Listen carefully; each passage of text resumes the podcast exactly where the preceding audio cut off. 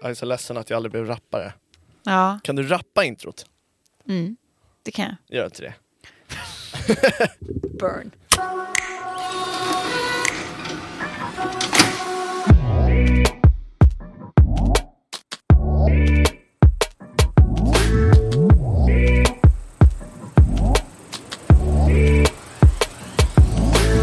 Trista repriser och idétorkar eller nostalgi och raffinering. I tv-tider av ständiga remakes kan man undra vem det är som är kapten på den här kreativa båten egentligen. Och med färska exempel som Prime Videos Mr and Mrs Smith och Netflix En dag i sinnet kan det vara gott läge att fundera över. Är det meningen att vi ska titta på samma saker om och om igen? Har vi uppfunnit färdigt nu? Jag heter Andreas Hörmark. Och jag heter Tove Norström och det här är TV-kollen från Svenska Dagbladet. Du lyssnar alltså på TV-kollen från Svenska Dagbladet som numera har ett helt eget poddflöde. Du hittar oss nu genom att söka på SvD TV-kollen i din poddspelare eller lyssna i SvD-appen såklart under poddar. Följ oss jättegärna där. Eh, Läget korven? Det börjar bli mer ett öknamn än ett smeknamn det där faktiskt. Mm, Ja, vi får se. Jag tänker att det kanske inte har levt färdigt. Men å andra sidan så är det väldigt roligt att du berättade att din mamma på riktigt trodde att du kallades korven på jobbet. Ja, men det är ju bara du Ja. som kallar mig det, vill jag verkligen understryka. Det, det är det. Och bara i den här studion. Ja. Eh, vi, vi- får väl hälsa mamma det. Absolut, jag kommer Ja. att bli lugn. Det, det, det är ett smeknamn med kärlek. Eller? Om du säger det så. Ja, precis. Men du, har du någon gång haft eh, olika identiteter i olika kontexter? Alltså typ att du skulle vara korven på jobbet och sen eh, Andreas hemma. De, de kallade mig Jesus i gymnasiet för då hade jag långa vackra lockar. Ja, det, ja, ja Det var inte att du gick i sandaler och barfota året om. Nej, nej. Nej. Ja, nej, men för att eh, det där att man alltså låtsas vara saker som man inte är, eh, det vill säga du låtsas vara Guds son, herregud. Eh, Det är ju temat för en film som jag såg i helgen. Inte, inte att låtsas vara Guds son, men att låtsas vara saker man inte är. Ehm, och det kommer jag återkomma till lite senare, det vill du höra. Verkligen. Men i veckan då, eh, vi har ju bland annat då det här med att programledarna till Eurovision nu har eh, utsetts och eh, namngivits. Petra Mede och hela Sveriges Hollywoodstjärna Malin Åkerman. Spontana tankar och känslor? Eh, jättekul med Petra Mede, tycker jag. Eller hur? Tycker hon, jag hon är med. alltid bra. Eh, Malin Åkerman har jag faktiskt ingen direkt relation till. Jag vet att hon är en svenska som är i Hollywood, men jag Nej. mer än så. Men det blir säkert jättebra. Ja. Ja. Alltså smart att välja Petra Mede som ändå redan är väldigt poppis i hela liksom, deras core-målgrupp i Europa, inte bara i Sverige. Exakt. Varför ändra på ett vinnande koncept? Eh, och hon är ju så trygg i den där världen. Och, så. Eh, och sen så, så, så tänker jag också, både, hon är ju duktig på att vara liksom internationellt rolig. Alltså om du är med på vad jag menar. Det känns inte som att alla som svenskar uppskattar som roliga nödvändigtvis skulle upp, se, betraktas som roliga utomlands. Men hon känns ju som att hon är duktig på det där. Eh, och sen så har vi så, så tillför vi ytterligare internationell glans genom Malin Åkerman. Eh, som ju också har spelat ganska mycket komedianroller. Liksom. Mm. Men, men skulle du säga att hon är framförallt eh, etablerad i USA? Eh, alltså hon har ju gjort framförallt amerikanska produktioner. Men hon Ja. har ju, hon alltså, i detta nu är hon ju aktuell i Edvard af Siléns eh, film som går på bio, rallyfilmen. Okej. Eh, så att hon, hon har gjort eh, roller i Sverige också. För annars känns det ju lite fusk för svenskar att man liksom tar en, en, en amerikansk kändis och bara säger att hon är svensk och så åker man snålskjuts på henne. Just det. Det är som när Malta hade med rapparen Flow Rida i sitt nummer. Är det sant? Ja, funkar inte. Ja. Eller gjorde det det? Nej, de hamnade sist tror jag. Ja. Det, det finns inga genvägar Nej. och så vidare. Vi får se hur det går. Eh, men innan det då är Eurovision senare i vår så ska ju Mellon avklaras. Just det. Mm. Vad tyckte du om första deltävlingen? Ja, vill du veta det? Mm. Det här, som ni inte ser nu men som jag gör rent fysiskt i studion, det är en tumme upp. Mm. Ja. Jag kan intyga det. Mm, det kan du intyga. Va, håller du med mig? Du, du har ett Ah. lite kyligare ansiktsuttryck just nu. Ja, men jag såg det också som repris dagen efter i min Ja. ensamhet en lite deppig söndag förmiddag så att jag hade svårt att verkligen leva mig in i festen. Just det. Men jag vet inte, så här, ytterligare en ganska brölig Samir och Viktor-dänga och så något band med kepsar som låter som Linkin Park. Lät för 20 år sedan. Mm. Ehm, ja. Eller? Och då ska vi komma ihåg då att eh, eh, det här är ju ett samtal du och jag har efter att första deltävlingen har avklarats. Men våren är full av deltävlingar och final. Så att det finns mycket som kan hända, mycket som kan vända. Du känner blaha? Blaha känner jag nog. Att eh, liksom bara, ja ja, eh, Carina Berg är alltid bra. Jag kan förstå att Björn Gustafsson vill gifta sig med henne. Men får man inte lite känslan av att det bara sitter fast i samma hjulspår? Och A-Teens, det är ett 25 år gammalt band som gör ännu äldre ABBA-låtar. Och får de ens heta A-Teens när de är plus 40? Det, jag hör dig. Jag vill bekräfta att jag hör dig, men jag håller inte med. Nej. Jag, jag tycker att det här Eh, alltså, jag skulle vilja vända på steken. Jag, jag, jag, tycker att Mello är ju traditioner och nostalgi. Det är liksom själva DNA på något vis. Jag älskar att det fortsätter vara det. Och att man, man fortsätter att, att verkligen göra ett program för de riktiga fansen. Som vill liksom på något sätt stanna i det universum de, de redan känner och kan. Jag tycker inte alls att det är blir något trist. Det är inte. Jag, jag fick gås, aktiv gås av att se E-Teens återförenas och, och köra på igen. Hur som helst, idag blir det ju faktiskt eh, fler sorters eh, repriseringar. Ehm, det här kan man ju kanske kalla veckan då Stuck Culture körde lite, lite mer djupt ner i, i eh, diket. Ehm, ja, jag har helt enkelt tagit det vi har, det som bjuds i tablån och kikat på varsin remake. Yes. Mm. Vi kommer också återkomma till vad Stuck Culture är, så du behöver inte känna dig minsta dum om du inte vet.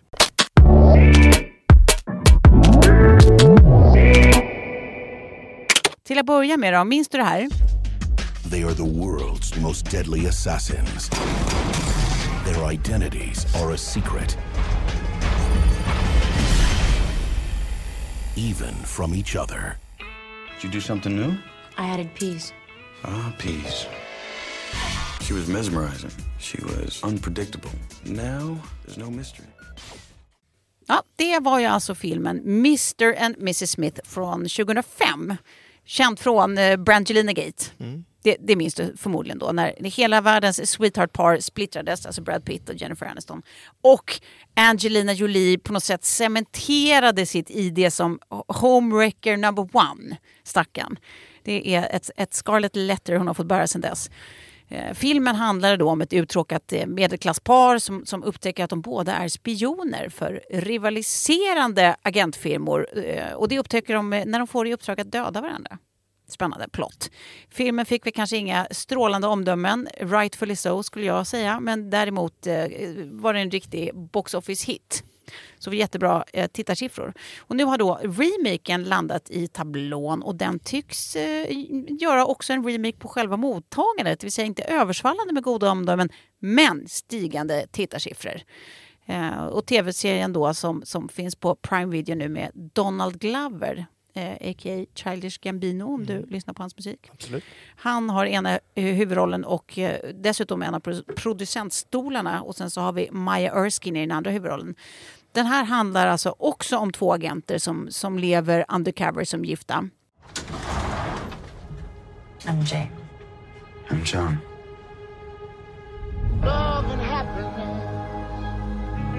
Banking card and marriage registration. Something that can make you do right. Married? yeah, I guess we're married. Make you do right. They didn't bring up that we'd be paired until the last interview. It's an old KGB tactic. They draw less attention as a couple. Very romantic. Där filmen är lite mer som actionkomedi med betoning på action så är tv-serien i princip en relationskomedi. Fast med en nypa action action som det heter. Actionscener. Och, och alltså här kommer en bulletin. Jag gillar den. Omdömena har fel. Ja, kul. Internet har fel. Din, din uh, obotliga optimism fortsätter här. Verkligen. Uh, här, här är, alltså i serien då har vi två för varandra främmande agenter som har parats ihop och ska leva som gifta, John och Jane Smith. Eh, och under tiden ska de då utföra uppdrag från en ansiktslös chef. Eh, och de går ju då från främlingar som bestämmer att eh, vi ska bara jobba ihop för pengarna en stund och sen så, och vi kommer aldrig vara intima, till såklart ett kärlekspar som genomgår en helt vanlig relationsevolution fast under väldigt ovanliga premisser. Lite som gifta vid första ögonkastet, är det inte? jo. Eller hur? Jo. Det, det, det är same same, fast den ena är reality och den andra är Let's Hope Not. Mm, pitcha till SVT. På ett sätt kan jag tycka att det är ganska synd att man då har valt att utgå från det här gamla filmkonceptet så, där, eh, alltså så direkt. Eh, både för att jag tror att många blir direkt avtända eftersom förlagen var rätt usel. Men också för att folk överlag är så himla trötta på remakes. Ehm, det finns ju alltså, trådar som, som vår eh, producent här har tipsat mig om på, på Reddit eh, om hur folk aktivt alltså väljer att inte se saker på grund av någon slags remake-fatig. Så inte för att man har läst något eller sett något om, om den nya upplagan av någonting som har gjorts utan bara för att man vet att det är en remake så väljer man aktivt bort det. Basically everything is a reboot or it is a sequel and that is because Hollywood apparently lacks all creativity and they're lazy and they think that we don't notice or we don't care. Och, och båda delar bidrar till att just den här remaken kanske inte, alltså inte ens får en chans. Och det är synd. Mm. Jättesynd och lite orättvist. För övrigt en sån ironi då från streamingbolagens sida att man försöker man försöker ju använda nostalgi för att locka tittare. Alltså det är väl därför man, man döper en sån här sak till Mr och Mrs Smith. Eh, men just den nostalgin är också vad som får alla tittare att vända bort blicken. Mm. Det är, ironi, är det inte? Jo, verkligen. Men vad är det som gör att serien är så mycket bättre då än filmen? Ja, det väl roligt att du eh, frågar för att eh, här kommer svar. Dels så kan jag tycka, och det här är absolut en detalj, men jag väljer ändå att lyfta den. Dels så kan jag tycka att man inte blir distraherad av att de här huvudrollerna är som karvade ur Carrera-marmor. Så snygga. Eh, alltså, både, e-, e elakt sagt om Donald Glover. Och huvudrollerna i den här serien, alltså eh, Donald Glover bland annat, eh, de, de, är alltså supersöta och supersnygga och heta på massa sätt. Men det är liksom inte deras main features. Nej. Ja. Maja Erskine också förstås, vill jag tillägga. Verkligen. Mm. men det är en detalj. Ja, det är en detalj. Men man har också som alltid då när det gäller Donald Glover eh, eh, som som sagt har både producerat och spelat huvudroll i serien, så har man ju satsat mycket på, på dialog och liksom social igenkänning. Och, och det har man igen. Även fast den här världen då som du har skapat är jätteknasig och superskev så är liksom relationen i mitten av den jättemänsklig och relaterbar liksom för, för många av oss. Eh, ja, eller vem väntar sig ett stycke prutt mitt i Agent Action?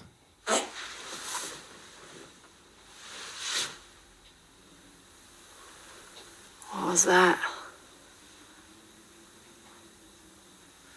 Check outside. Det kan låta tramsigt. Prutt ja. är tramsigt. Men det är ju också ett laddat inslag i uppstarten av en ny relation. Man råkar prutta på natten. Mm. Ja, vem har inte varit med om det? Nej, absolut.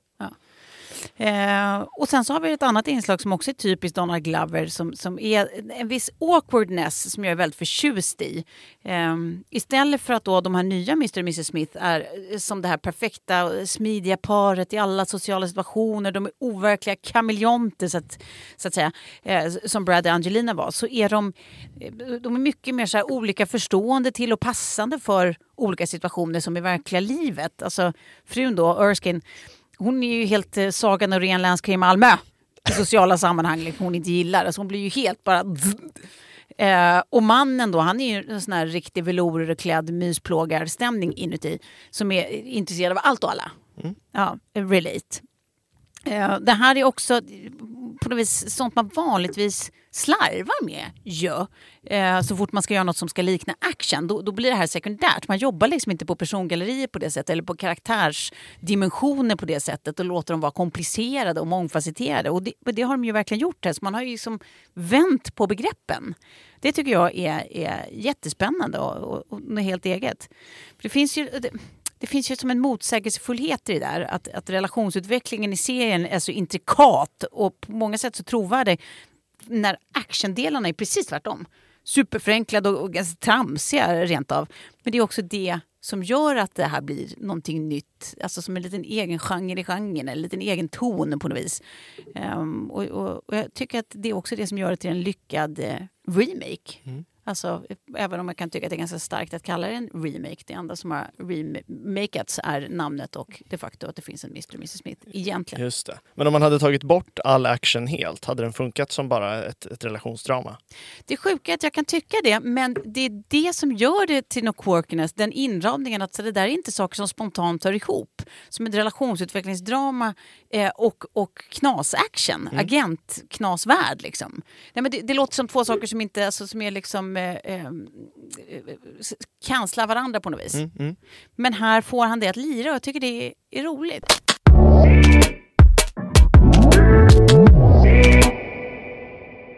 Ja, men det här med att det görs så många remakes har ju diskuterats flitigt de senaste åren, men Ja. egentligen hur länge som helst. Eh, fenomenet har ju verkligen boomat sen typ mitten av 10-talet. Mm. Eh, man kan nämna otaliga superhjältefilmer, inte minst skräckfilmer, Mm. It, Halloween.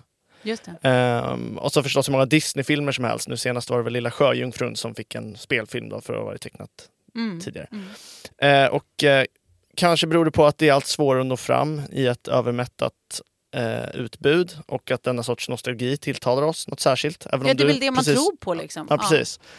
Eh, eller så är det att det är så tufft ekonomiskt läge för filmindustrin, både för streamingtjänsterna och, och biograferna. Så man Mm. satsar hårt på vad man då tror ska vara säkra kort.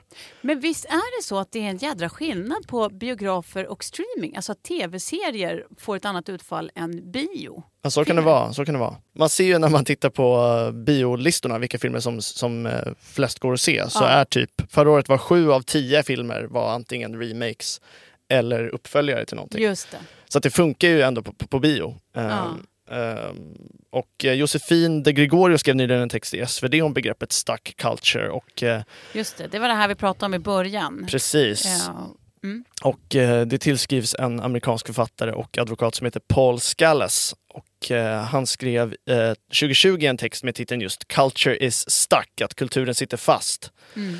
Och kortfattat kan man väl säga att det innebär att samhället är fastlåst vid tidigare decenniers populärkultur eh, snarare än att skapa sin egen. Och det märker man ju på typ så 80-tals doftande popmusik och det märks Mm. på att alla tonåringar man träffar idag ser ut som de är med i fucking Åmål Mm. med så här låga jeans och så vidare. Mm. Eh, vet, att min 11-åring kan mina bästa låtar från 90-talet. Liksom. ja, Alltså precis. Gammal. Exakt. Hur intresserad var du av dina föräldrars musik när du var ung?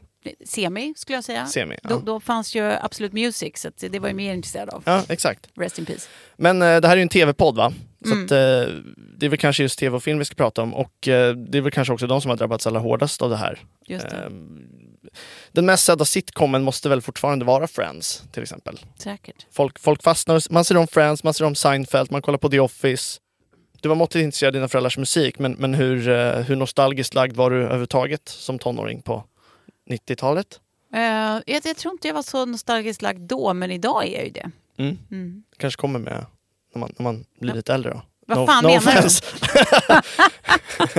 en, en, eh, en bov som ofta pekas ut i det här är algoritmerna som bara rekommenderar samma saker om och om igen. Mm. Rekommenderar det alla andra lyssnar på. Man fastnar i en lite deppig loop av att man bara streamar vidare samma saker. Mm, man har och, sin eh, filterbubbla. Men, men frågan man ställer sig är ju då, är, är, alltså, om stuck culture är liksom ett faktum, är, är, det, är det ett problem? Eller är det bara ett konstaterande att eh, så här eh, ser kulturutvecklingen ut nu? ja, jag, det jag tror nog mer det och eh, genom historien så har det här med remakes alltid varit mer eller mindre vanligt. Ofta i tider av ekonomiska bekymmer. Liksom. Att man, man vill satsa på de här säkra korten. Det kom till exempel nya Star Wars-filmer i slutet på 90-talet också. Ja. Och A Star Is Born var ju en remake som var jätteuppmärksammad för några Gud, år sedan. Och jag menar, det är ju en remake på en film från 1976 som var en remake på en film från 1954 Mm. som i sin tur var en remake på en film från 1937. Mm. Eh, och dessutom, ja, så att, så att liksom, Det är inget nytt fenomen. det är inget liksom. nytt fenomen. Mm. Men, det, Och- men det är ju spännande att det finns det där att, som du säger att biostatistik visar en sak. Mm. Att det här är någonting vi efterfrågar och uppskattar och det är det vi drar oss till. Eh, alltså filmer som är olika remakes eller fortsättningar på något. Medan det också växer fram de här, de här eh, trådarna på till exempel då Reddit där man pratar om, eh, om just det där att man är så fruktansvärt trött på remakes att man aktivt väljer att inte ens titta på dem. Precis. Så att det finns ju, det, det är som två utvecklingslägen. Liksom. Mm. Och dessutom handlar ju detta framförallt om den, här, den breda mainstream-kulturen. Och vill Mm. man hitta smal och nyskapande musik eller film eller vad som helst så är det ju faktiskt bara att börja leta. Mm. Och det kommer alltid att finnas. Det är väl kanske så att algoritmerna styr vad du hittar. Det krävs lite mer arbete för att hitta de här sakerna som man verkligen tycker om och som är utanför den här remake-pölen. Mm. Just det. Eh, Det och, kommer, inte, det eh, kommer inte komma några stekta eh, sparvar flygande in i din lilla kulturmund. Nej, exakt. Med Och jag blir, lite, jag blir lite trött på, på gnället, liksom, att, att klaga på remakes börjar bli lite av en remake i sig. Vi har gjort det varje år nu sedan åtminstone 2016. Ja. Och att gå runt och bekymra sig över vår tids idétorka och se tillbaka på hur nyskapande vi var förr är väl i sig också en ganska fånig form av nostalgi.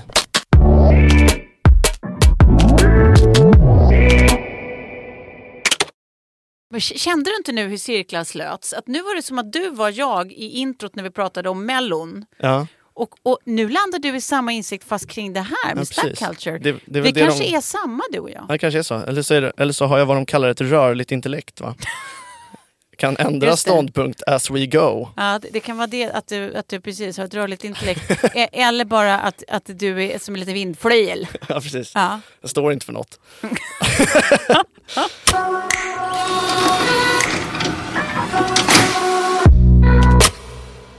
Jag har ju också tittat på en grej och eh, som du var inne på tidigare så finns det ju saker som faktiskt mår bra av nya versioner. Mm, Och en sån är One Day, eller En dag som den heter i Sverige. Det. Det är från början en roman från 2009 skriven av David Nichols. Har du läst den? Inte läst den men jag har sett eh, förra filmen, tyvärr. Ja, ja.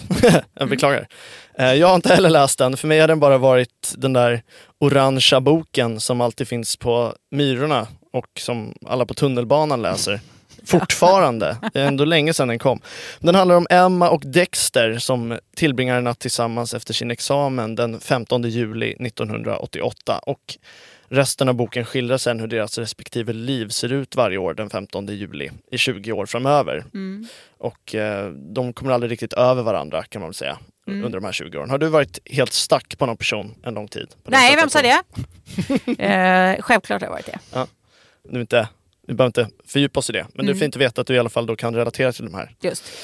Eh, nu ska den här boken då få bli en tv-serie på Netflix. Eh, men den har ju som du var inne på filmatiserats en gång tidigare. 2011 kom en film med Anne Hathaway och Mm. Jim Sturgess i huvudrollerna. Och den blev väl kanske inte heller tokhyllad när den kom. Eh, varken av dig eller av kritikerna. Ja, för det visade sig nämligen att kritikerna var varken blinda eller döva. We've never actually met. Emma Morley. I'll walk you home. Sorry, I'm not good at this. Maybe we could just be friends. Okay. On the day they met, Dexter and Emma never imagined We will see each other again. I know we will. how their lives would intersect over the next 20 years. I'm a disaster. I'm sure it's not a complete disaster. Come on, everyone's lost at 25. You're not. Jag har i alla fall tagit mitt journalistiska uppdrag på allvar och sett om filmen och ehm, ja, den är faktiskt inte så bra. Men i filmen blir det helt obegripligt hur de här två personerna tycker om varandra, tycker jag är det stora problemet. För att om man ska berätta en historia som utspelar sig under 20 år så blir det rätt korta nedslag. Man får ju aldrig någon, man känner aldrig av den här intimiteten. Liksom. Nej, var kommer klistret ifrån? Liksom? Vad, vad är shitet, alltså KITT? Nej, precis, det blir konstruerat och, och, och, och sådär. Den här nya serien måste jag ändå säga är faktiskt ett riktigt uppköp. Eh, varje avsnitt utspelar sig under endast en dag och det går alltså ett år mellan varje avsnitt. How is that someone can go from being a total stranger to being the most important person in your life?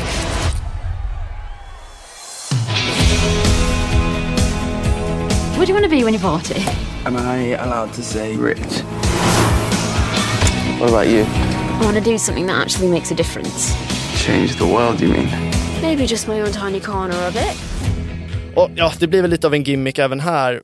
Men också lite som att bläddra i ett fotoalbum. Och eh, jag kom på mig själv flera gånger med att gå tillbaka i mina mobilanteckningar och kolla mitt fotoalbum i luren och liksom fundera över så här, hur hade mitt liv blivit om jag hade följt det här Jaha, greppet? ja. Det hade väl kanske inte blivit ett, ett rafflande Netflix-drama precis, men Säg Men- inte det. nej. Eh, så är det i alla fall. Eh, men jag tänkte mycket på nostalgi även i det här fallet faktiskt. För att det är uppenbart att förklaringen till varför de här två personerna hela tiden återkommer till varandra och varför de tycker så mycket om varandra under så lång tid är ju nostalgi. Mm. De träffas en gång när de är unga och minnet av det är ju vad som liksom hänger kvar hela tiden. Egentligen har de inte så mycket gemensamt längre. Och, sådär. och de försöker hela tiden starta nya liv med andra partners men misslyckas för att de inte kan glömma varandra. Och det om något kan man väl kalla stuck culture. Verkligen.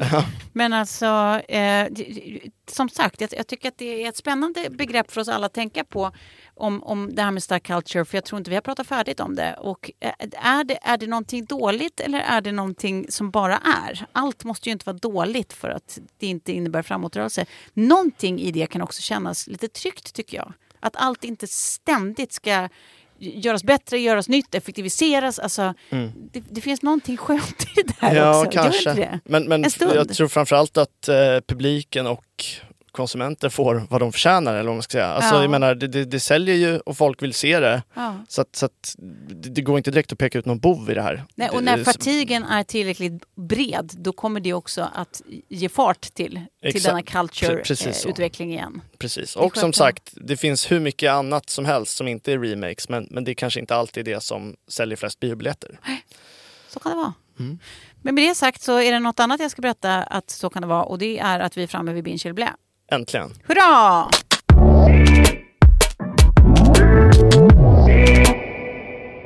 Jag har tittat på eh, Sharper på Apple TV+. Eh, det här är ju då någon slags neo-noir-thriller, säger de själva. Jag, eh, mm, det kanske det är. Med bland annat då Julian Moore, Sebastian Stan och eh, John Lithgow. Eh, handlar om manipulation och maktspel och vem, vem som verkligen är den de säger sig vara. Alltså är folk det de utger sig för att vara? Eh, och det är de i regel inte, spoiler.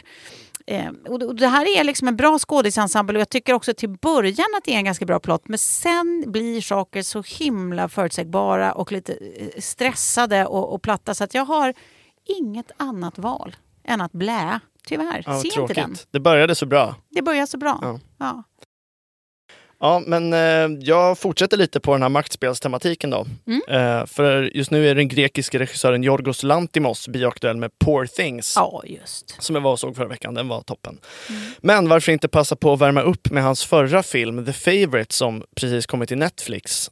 Eh, vi träffar den sjukliga drottningen Anne och hennes hovdam Lady Sarah. Och eh, när Sarahs fattiga kusin kommer till slottet startas just ett infernaliskt maktspel mellan kusinerna om vem som ska få drottningens kärlek och vem som ska få hoppa i säng med henne. Eh, bland annat.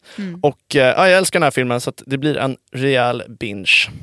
Vad härligt, då fick vi ändå sluta i dur. Ja, precis. Ja. Jag Och blev då, gladare och gladare under hela avsnittet. eller hur, det Ja. växte till sig. Ja. Du hade en uppåtgående kurva. Ja, underbart. Jag, jag slutade på mål, men ibland måste även jag göra det. Annars så, så måste man ju ifrågasätta hur fan jag mår egentligen. Ja. Eh, men här är TV-kollen slut för idag. Mm. Och, det, och det är ju verkligen sluta i moll att konstatera att nu är det slut. Jo, är det. Men, men det är vad det är. Ja. Eh, nå oss kan du hur som helst alltid göra. Och det gör du på tvkollen svd.se.